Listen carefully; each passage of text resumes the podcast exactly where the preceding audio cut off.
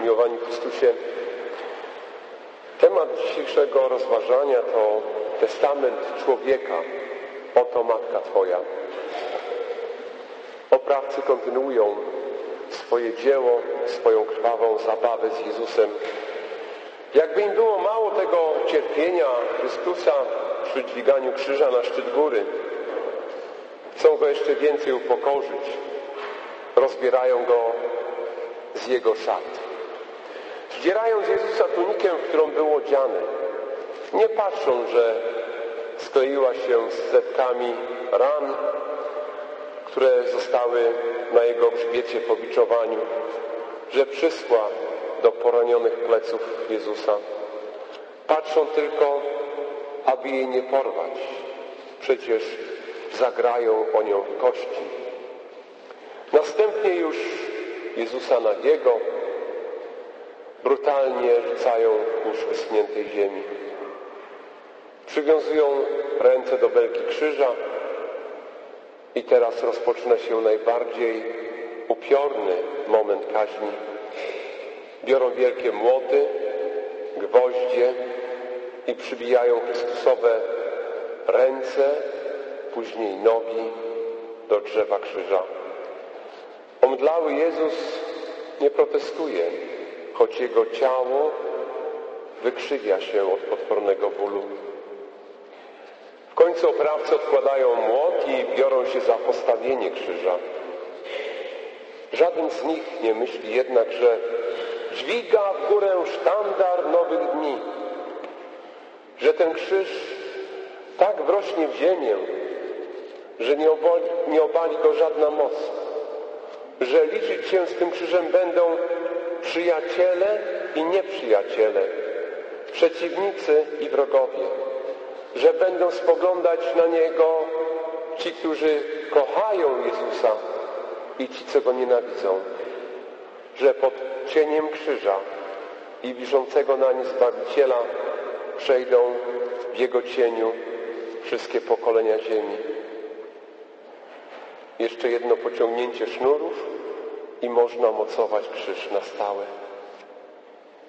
Tymczasem na boku między żołnierzami wre pasjonująca walka kości. Stawką jest przepiękna tunika, tkana w jednym kawałku. Nic im nie przeszkadza, że cała skrwawiona. Chcą ją mieć. W końcu wyłania się zwycięzca, który w triumfalnym geście podnosi do góry i pokazuje wszystkim suknię Jezusa.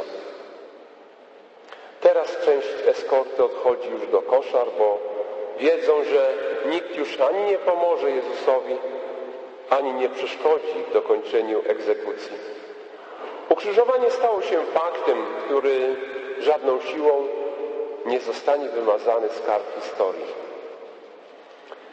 I właśnie wtedy, kiedy żołnierze odchodzą, jak gdyby wykorzystując ten moment, tłum podchodzi bliżej pod krzyż ale nie całkiem blisko. Zatrzymują się kilka kroków od ukrzyżowanych.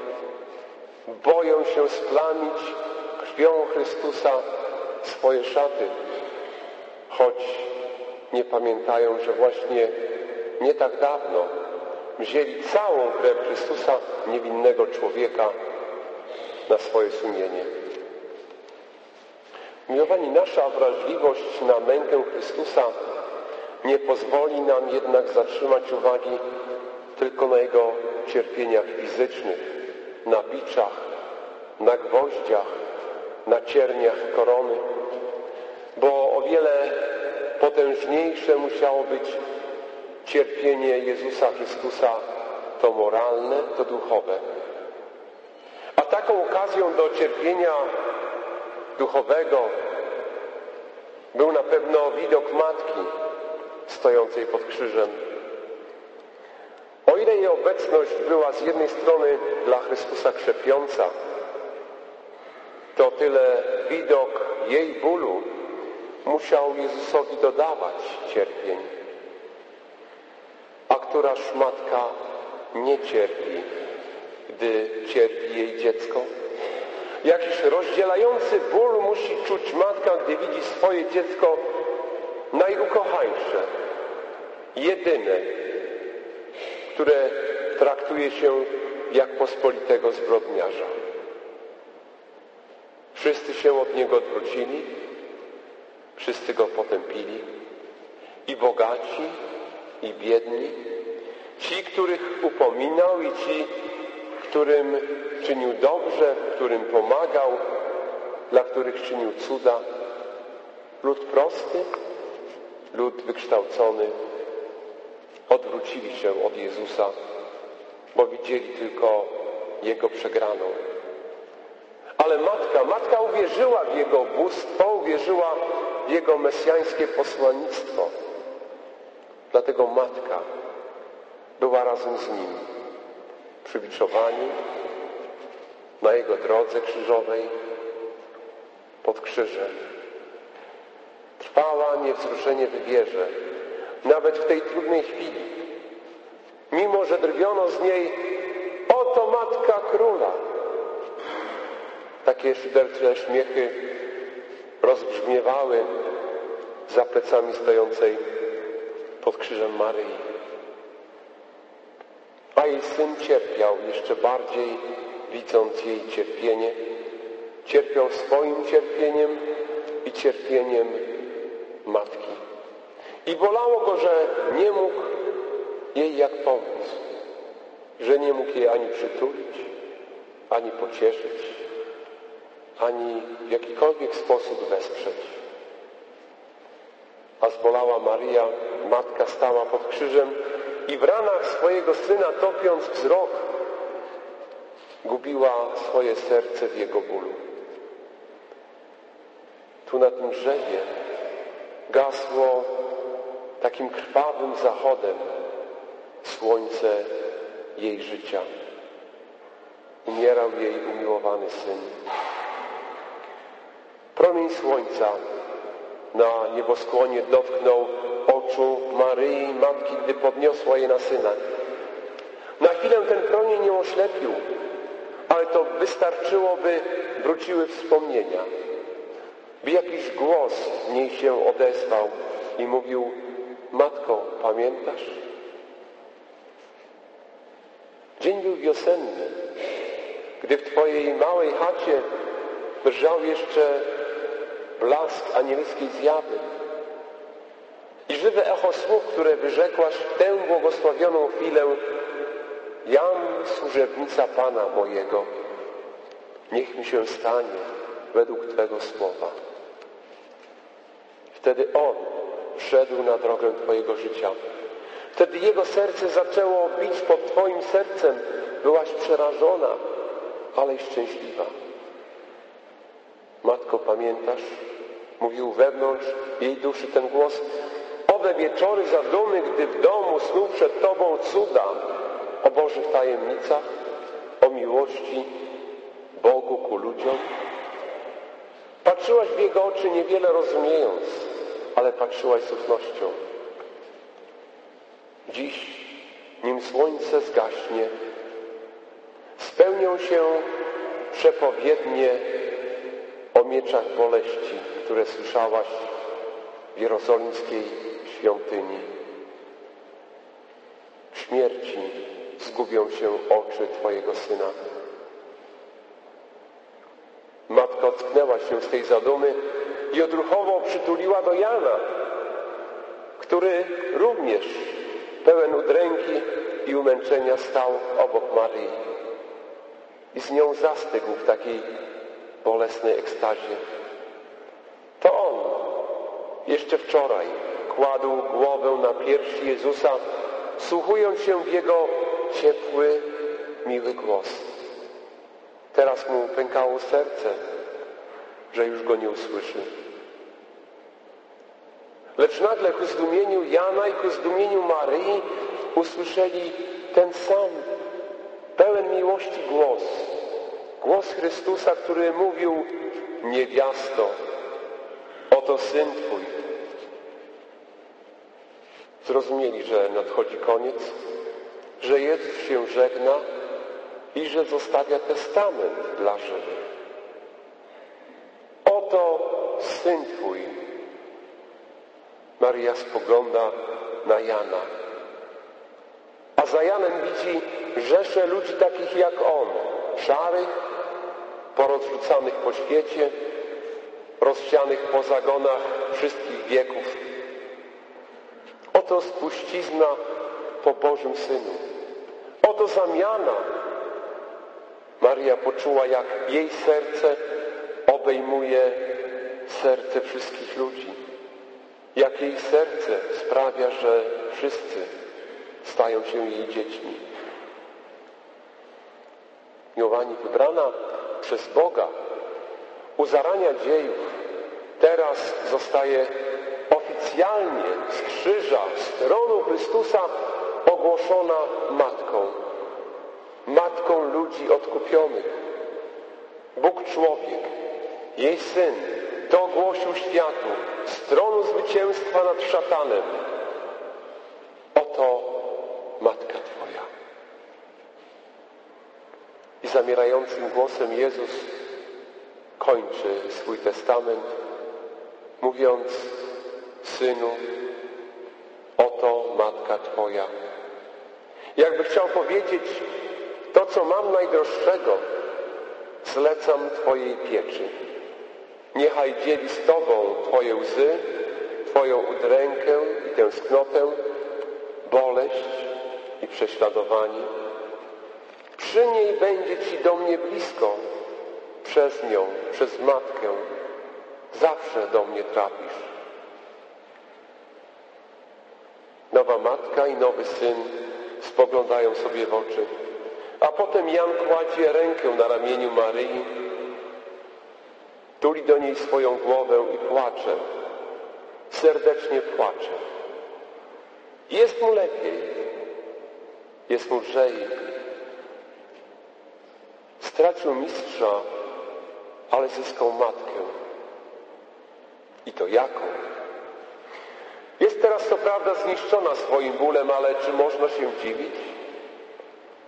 Ona przecież wpatrywała się w tą rozerwaną skórę ciała swojego syna, by spadały nań pejcze zakończone metalowymi kulkami, kotwiczkami. To ona próbowała usłyszeć ciężki oddech, gdy szedł ulicami miasta przygarbiony pod ciężarem krzyża. To ona czuła każde uderzenie młota, które zatapiało tępy gwóźdź w dłoniach i stopach jej syna. Ona z nim współcierpiała. Dlatego w niej tyle bólu, tyle smutku. I mógłby ktoś zapytać, po co? Po co zadawać sobie tyle bólu? Ale umiłowani, to była po prostu matka. A to jest słowo, którego nie da się inaczej określić. To trzeba czuć, co to znaczy matka. Wybaczcie, kochani, że wam to opowiem, historię z mojego życia, ale to może być historia o każdej z matek. Moja matka ciężko zachorowała i walczyła z rakiem w cierpieniach przez dwa i pół roku.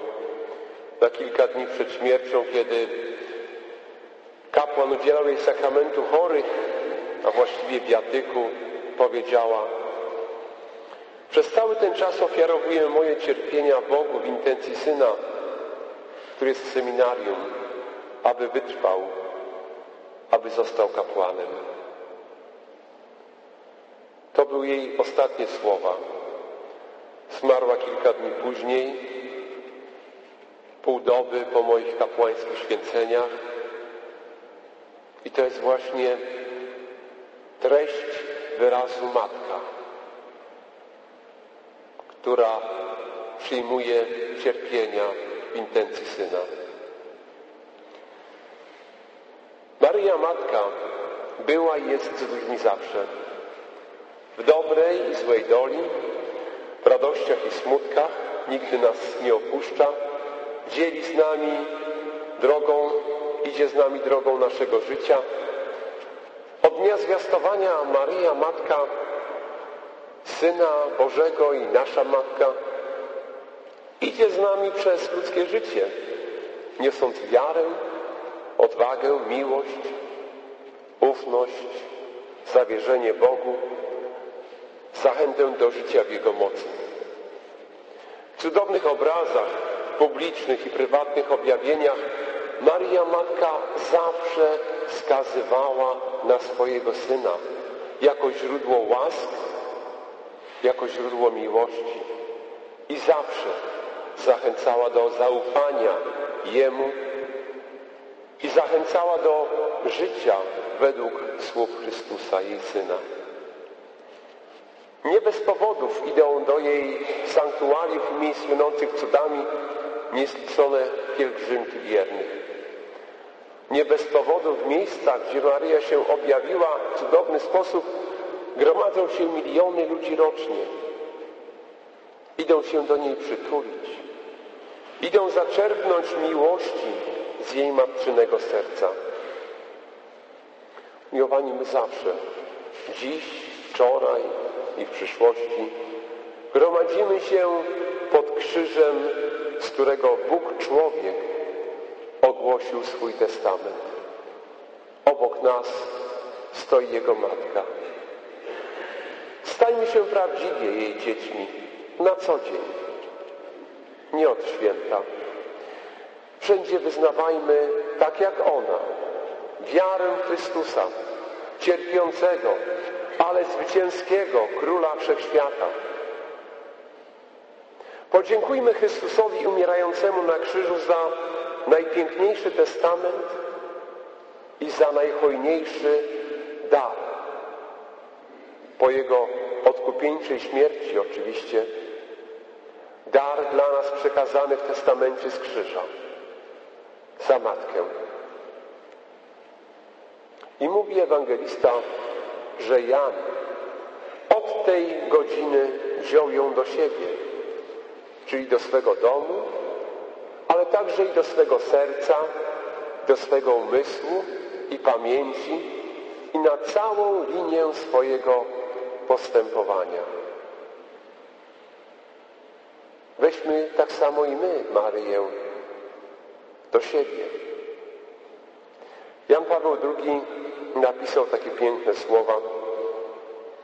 U stóp krzyża ma początek to szczególne zawierzenie człowieka Boga Rodzicy, które w ciągu wieków było podejmowane i wyrażane. Można by rzec, że zawierzenie Maryi to gwarancja ostatecznego zbawienia. Zastanówmy się zatem nad wartością tych testamentalnych słów, które płyną z krzyża. Chrystus, mimo że cierpiał i umierał, myślał o nas, a myśląc o nas, dał nam swoją matkę za naszą matkę. Bądź mu za to wdzięczny. Zawsze. Amen.